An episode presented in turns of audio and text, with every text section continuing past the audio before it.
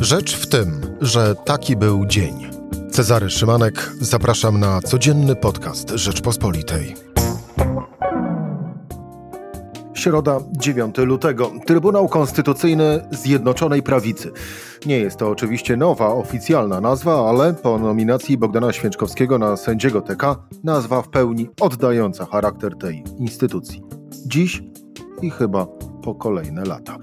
Wojciech Tomidalski już za chwilę moim gościem. Rzecz w tym, że zapraszam Cezary Szymanek. Słuchaj na stronie podcasty.rp.pl. Włącz Rzecz w tym w serwisie streamingowym. Wojciech Tomidalski, redaktor działu prawa Rzeczpospolita. Wojtek, dzień dobry. Dzień dobry. Wojtek, ten pseudonim Godzilla dla Bogdana e, Święczkowskiego, to skąd on się wziął? No, to pytanie zadaje ktoś, a ty widziałeś kiedyś pana prokuratora, już sędziego? Oczywiście e, reporterem politycznym e, bywałem, byłem przez wiele lat, więc doskonale pamiętam. No to jest człowiek rozmiarów niebagatelnych. Ostatnio schudł, muszę przyznać, to nawet wyszczuplał, to mu dobrze robi, ale no dwa ponad metry, y, wydaje mi się, on zapasy trenował w młodości, a może, a może coś mylę. Może mylę z sędzią Muszyńskim z Trybunału Konstytucyjnego, który na pewno był zapaśnikiem. E, e, głos ma taki głęboki i ten pseudonim, e, on się wziął, jak myślę, nie tylko z tej postury, ale również z charakteru bardzo silnego i nieznoszącego sprzeciwu. Wszystko razem sprawia wrażenie takie, że były osoby, które w gabinecie prokuratora krajowego nie czuły się zbyt dobrze. No właśnie, o tym, że nie znosi sprzeciwu, chyba najdobitniej w ostatnich latach przekonali się e, prokuratorzy, członkowie Stowarzyszenia Lex Superomnia. Owszem, to prawda, rzeczywiście wszelkie próby e, e, no, działania niezgodnego z decyzjami najwyższego kierownictwa były bezwzględnie oceniane i karane degradacją, delegacją, gdzieś w głąb kraju do Śremu albo Golubia Dobrzynia, gdzie właściwie z tygodnia na tydzień pro, pani prokurator jedna czy druga musiała, musiała się wybrać. E, a dla tych jednostek e, w kraju to akurat nic złego się nie stało, bo one być może rzeczywiście cierpiały na braki kadrowe i dostały na kilka miesięcy znakomitego, doświadczonego prokuratora do pomocy, tylko bądźmy szczerzy, to nie o to tutaj chodziło. Wojtek, ale cofnijmy się e, w czasie, no bo te związki ze Zbigniewem Ziobrą, związki Bogdana Święczkowskiego, to tak naprawdę nie ostatnie lata, a właściwie chyba ostatnich kilkanaście co najmniej lat. O, tak, zgadza się, panowie znają się od czasów studiów, są obaj z tego samego rocznika 1970. Studiowali, studiowali e, w Krakowie, potem na Śląsku, razem aplikacja prokuratorska, więc od tych czasów ich drogi prywatne, naukowe i zawodowe się schodzą. Pan Święczkowski był studentem raczej piątkowym, pan, pan Ziobro podobno nie. E, no niemniej znają się i są wobec siebie lojalni już przez wiele, wiele lat. No właśnie, czy to w takim razie e, oznacza, e, że Bogdan e, Święczkowski będzie mm, namiestnikiem Zbigniewa Ziobry w Trybunale Konstytucyjnym?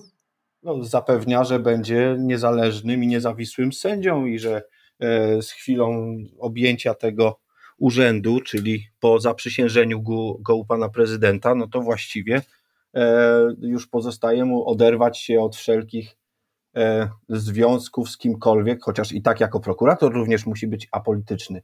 Tak w każdym razie stanowi prawo. No ale z drugiej strony, jak popatrzymy jeszcze w przeszłość Bogdana Święczkowskiego, no to przecież ma w swoim życiu epizod startu e, do wyborach parlamentarnych z list e, Prawa i Sprawiedliwości. Wtedy owego mandatu się zrzekł, no bo Grzegorz Schetyna postawił przed nim wybór albo prokuratura, albo, albo Sejm, więc Bogdan Święczkowski wybrał prokuraturę, przyszedł stan, w stan spoczynku. No więc jeżeli sędzia, mm, ktoś, kto zostaje sędzią Trybunału Konstytucyjnego, ma w swoim życiorysie epizod polityczny i to bardzo mocny, no to trudno jednak mimo wszystko mówić o tym, że będzie niezależny. Wiesz co, no to nie, bądźmy szczerzy, nie będzie to pierwszy polityk, e, czy były polityk, jakkolwiek nazwiemy, w Trybunale Konstytucyjnym. Podkreślam, że Bogdan Święczkowski mandatu poselskiego nie objął, bo on chciał mieć ciastko i zjeść ciastko, pozostać prokuratorem i, i, i, i zostać jednocześnie posłem, a potem, jak rozumiem, wrócić do prokuratury. No niemniej kandydował, wszystko się zgadza.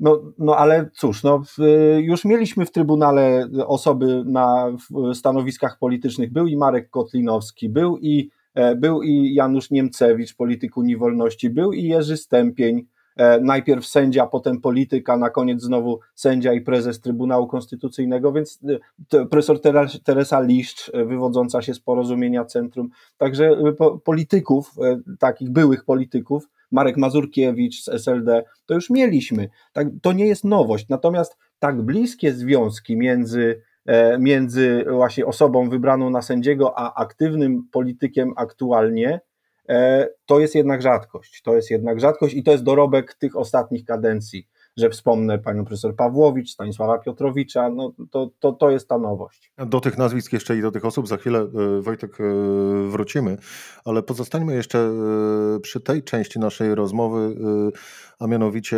przedłużenie Ministerstwa Sprawiedliwości w Trybunale Konstytucyjnym. No bo jeżeli popatrzeć na mm, to, czym w ostatnich czasach najczęściej zajmuje się Trybunał Konstytucyjny, to Trybunał Konstytucyjny najczęściej zajmuje się wnioskami skargami złożonymi przez Zbigniewa Ziobrę. No tak, tak właśnie się składa. I pewnie chcesz zapytać, czy w takim razie mm, e, w kolejne wnioski Zbigniewa Ziobry będzie, będzie rozpoznawał sędzia Święczkowski. No, i, ach, Sherlock. W idealnym świecie tak nie powinno być. No ale bądźmy szczerzy, jesteśmy trochę daleko od idealnego świata i już wiemy, że sędziowie Pawłowicz i Piotrowicz, których, których e, wymieniliśmy wcześniej, nie mają problemu z orzekaniem w sprawach ustaw uchwalonych przez Sejm, w którym oni za tymi ustawami głosowali, za lub przeciw, obojętnie. W każdym razie to nie stoi im na przeszkodzie. E, tutaj no, może być różnie. Zobaczymy, jak pan Święczkowski pojmuje e, swoją niezależność i apolityczność w tym wydaniu sędziowskim, ale no, mo można sobie wyobrazić także i taką sytuację, że powie, e, że powie, że przecież ja, jest, ja byłem podwładnym, byłem prokuratorem krajowym, to nie ja pisałem te wnioski i w ogóle dlaczego miałbym się wyłączać, skoro nie byłem Zbigniewem Siobrą no, i, i, i nie będę, tak? Mnie jeszcze e, urzekło, oczywiście w cudzysłowie rzeczy ujmując jedno zdanie z charakterystyki kandydatury, to Michał Wójcik, minister w kancelarii e, premiera, e, zachwalał w trakcie posiedzenia Sejmowej Komisji, na której właśnie akcept zajmowano się wnioskiem o powołanie Zbigniewa Bogdana Święczkowskiego e, do Trybunału Konstytucyjnego. Michał Wójcik powiedział tak: Przede wszystkim nie będzie miał dylematu, czy konstytucja jest ważniejsza niż prawo wspólnotowe. Mm, no to też jest chyba e, taki polityczne naznaczenie, jeżeli chodzi o poglądy i potencjalną stronniczość nowego sędziego. No, Dorobku, dorobku Bogdana Święczkowskiego w dziedzinie konstytucjonalizmu to my nie znamy i nie wiem, czy ktokolwiek go znał. Natomiast no, to akurat przyznam szczerze, nie bulwersuje mnie w każdym razie nie, nie w jakimś stopniu takim wartym podnoszenia, bo e, z, zwykle jest tak, że gdy kandydaci na sędziego Trybunału Konstytucyjnego stają do tej parlamentarnej procedury, zawsze ich wybierał Sejm i wybiera ich do dzisiaj, to przychodzili na komisję sejmową, na której posłowie mogli zadawać im pytania, co myślą na jaki temat i posłowie i, i, i, kandydaci odpowiadali. Jeden, wprawdzie wtedy akurat przed laty to nie tego rodzaju dylematy stawa, stawiano przed e, tymi kandydatami, raczej pytano ich o inne kwestie prawno-ustrojowe i konstytucyjne, a nie o to, czy wyższe są, wyższość ma konstytucja krajowa, czy na przykład unijne traktaty. No, no to teraz rozumiem, zadano mu to pytanie i on odpowiedział, że nie ma wątpliwości, on idzie bronić konstytucji. No, no dobra, no to już to wiemy w takim razie, ale to jest okej, okay, chyba tego bym się nie czepiał. No właśnie, bo powiedziałeś, że to aż tak cię nie bulwersuje w e, przypadku kandydatury zatwierdzonej już przez Sejm e, Bogdana Święczkowskiego. To co cię najbardziej bulwersuje w tym? E też nie to, że jest prokuratorem, bo, bo już w przeszłości byli prokuratorzy w Trybunale Konstytucyjnym. Ferdynand Rymasz na ten przykład był sędzią Trybunału Konstytucyjnego z, z, z, z epizodem swoim no, wieloletnim pracy w prokuraturze i nie, nie on jeden. Chyba to, że to jest taki przeskok, wiesz, osoby naj, naprawdę mocno zaangażowanej w bieżące polityczne sprawy. No, prokuratura oczywiście jest, ma, swoje, ma, ma swoje wymogi, jeśli chodzi o bycie prokuratorem i o apolityczność, ale no, to jest zbrojne ramię rządu, szczególnie odkąd na nowo połączono te urzędy za czasów Zbigniewa Ziobry. No i, i, i, i chyba to mnie najbardziej, i chyba to mnie najbardziej bulwersuje. Y, zostawiając y, polityczne y, aspekty, po co Bogdan Święczkowski w Trybunale Konstytucyjnym, szczególnie taki zaprawiony w bojach politycznych żołnierz. Spójrzmy na daty końca kadencji poszczególnych sędziów, bo tak naprawdę, jeżeli Bogdan Święczkowski zostanie zaprzysiężony przez prezydenta, to w obecnym składzie Trybunału Konstytucyjnego, czyli wśród 15 sędziów, nie będzie ani jednego, który byłby powołany przez poprzednie władze, czyli przed 2015 rokiem. Czyli no można tak. powiedzieć, Trybunał Konstytucyjny cały będzie z mianowania obecnego obozu. No władzy. tak, tak. Ale tak jak mhm. popatrzymy jeszcze dalej mm, w terminy końca kadencji, no to mamy tak. Krystyna Pawłowicz kończy kadencję w 2028, Stanisław Piotrowicz w 2028, e, Mariusz Muszyński, no to wcześniej, 2024. Dołączy teraz e, jeszcze Bogdan Święczkowski, czyli to będzie 2000. No daj 9, 31. 31, tak, dziewięcioletnia kadencja, czyli 30, 31. Co to oznacza dla Trybunału Konstytucyjnego? No, pozwoliłem sobie napisać y, na stronie RPPL i w komentarzu Rzeczpospolitej, że, e, no, że to oznacza takie zabetonowanie tej instytucji, e, której autorytet to jest jakby osobny temat do, do, do rozmów, które już się przecież odbyły. Niemniej teraz pierwsi rzeczywiście będą z Trybunału po swoich dziewięcioletnich kadencjach odchodzić sędziowie e, mianowani, mianowani przez PiS sędzia Pszczółkowski, prezes Przyłębska, potem właśnie sędzia Muszyński i, i, i, i, pozostali, którzy, i pozostali dwaj, którzy no, są dublerami, bo są powołani na te miejsca e, e, zajęte przez osoby wybrane e, jeszcze w poprzednim, w poprzednim Sejmie, co następnie PiS odkręcał swoją uchwałą, że to jest wybór bez mocy prawnej. Pamiętamy być może jeszcze te wszystkie zawirowania wokół sędziów dublerów. No, to jest taka nieubłagana konsekwencja faktu, że PiS już rządzi drugą kadencję i wykorzystuje swój mandat bezwzględnie, y, swoją większość do tego, żeby obsadzać wszystkie te stanowiska. To jest zerwanie z tradycją, bo też nie, nie był to żaden y, pisany przepis, y, reguła obowiązująca inaczej niż tylko na ustną umowę,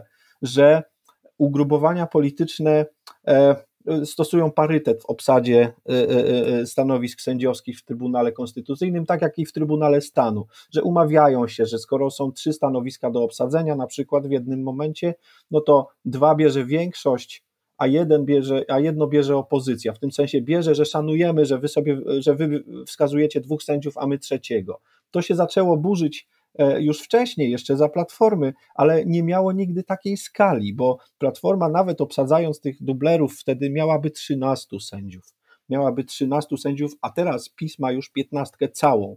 To oznacza, że nawet jeśli w przyszłym roku, zgodnie z kalendarzem, będą wybory, czyli w 2023, może będą wcześniej, ale załóżmy, że w 2023, załóżmy, że zmieni się władza, chociaż to też przecież nie jest zupełnie pewne, że się zmieni, ale załóżmy, że się zmieni, to PiS, znajdując się w opozycji, uzyskuje możliwość skarżenia właściwie wszystkiego do Trybunału Konstytucyjnego, który e, te potencjalne ustawy odwracające skutki dokonanej już no, bądź co bądź zmiany ustroju naszej. E, po, poza zmianą konstytucji już bardzo wiele zmieniliśmy w naszych przepisach, żeby mówić o realnej zmianie ustroju państwa. E, no więc wszystko to będzie mogło być blokowane. E, Trybunał stanie się takim hamulcowym od, odkręcania tych reform i to jest realne. No właśnie, bo tak naprawdę y, te pierwsze kadencje, najwcześniej kadencje y, wygasają z końcem 2024 roku, to jest grudzień.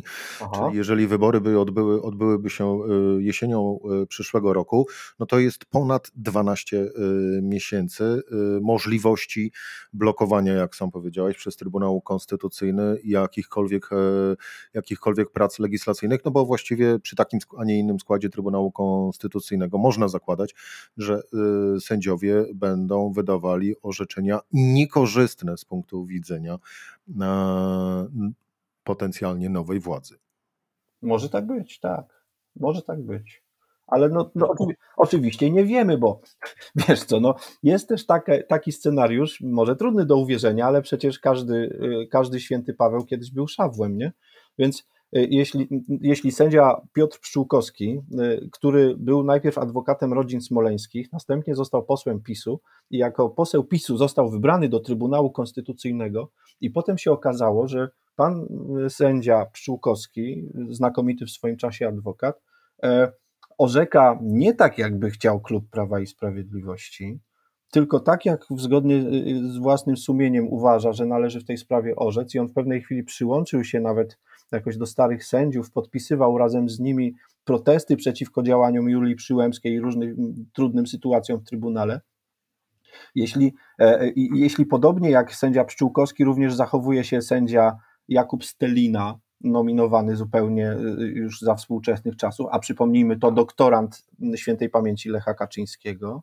Jeśli również sędzia Jarosław Wyrębak nie jest powołany za czasów PiSu, wcale nie jest swoim, w każdym razie swoim zachowaniem nie wskazuje, aby był lojalny wobec tych, którzy go mianowali, to kto wie, co się zdarzy, no tak powiem przewrotnie trochę. Jeszcze na koniec, y, Wojtek, jeszcze y, jedna sprawa, a mianowicie komentarz do słów rzecznika Platformy Obywatelskiej Jana Grabca, który powiedział, E, tak, sytuacja w Polsce po przegranych przez PiS wyborach będzie wymagała radykalnych zmian, także Trybunału Konstytucyjnego. Żaden tego rodzaju immunitet nie będzie chronił przed odpowiedzialnością karną. To oczywiście słowa, koniec cytatu, i to oczywiście były słowa wypowiedziane w kontekście kandydatury Bogdana Święczkowskiego do Trybunału Konstytucyjnego. Czy sędzie Trybunału Konstytucyjnego można pociągnąć do jakiejkolwiek odpowiedzialności? E, można. Wymaga to, e, to, to się robi w ten sposób, że musi najpierw Trybunał Konstytucyjny uchylić mu immunitet. Zgromadzenie Ogólne Trybunału Konstytucyjnego e, bada wniosek, który, jak rozumiem, kieruje prokuratura o uchylenie immunitetu takiemu sędziemu. Jeśli Trybunał dochodzi do wniosku, że sprawa kwalifikuje się do uchylenia tego immunitetu, to, to on jest uchylany. W innej, in, innego sposobu na to nie ma. I jeśli mamy się trzymać zasad praworządności, to być go nie może.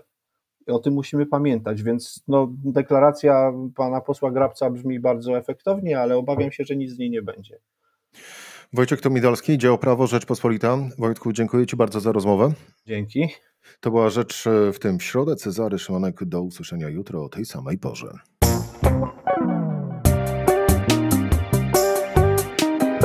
Rzecz w tym to codzienny program Rzeczpospolitej. Od poniedziałku do czwartku o godzinie 17.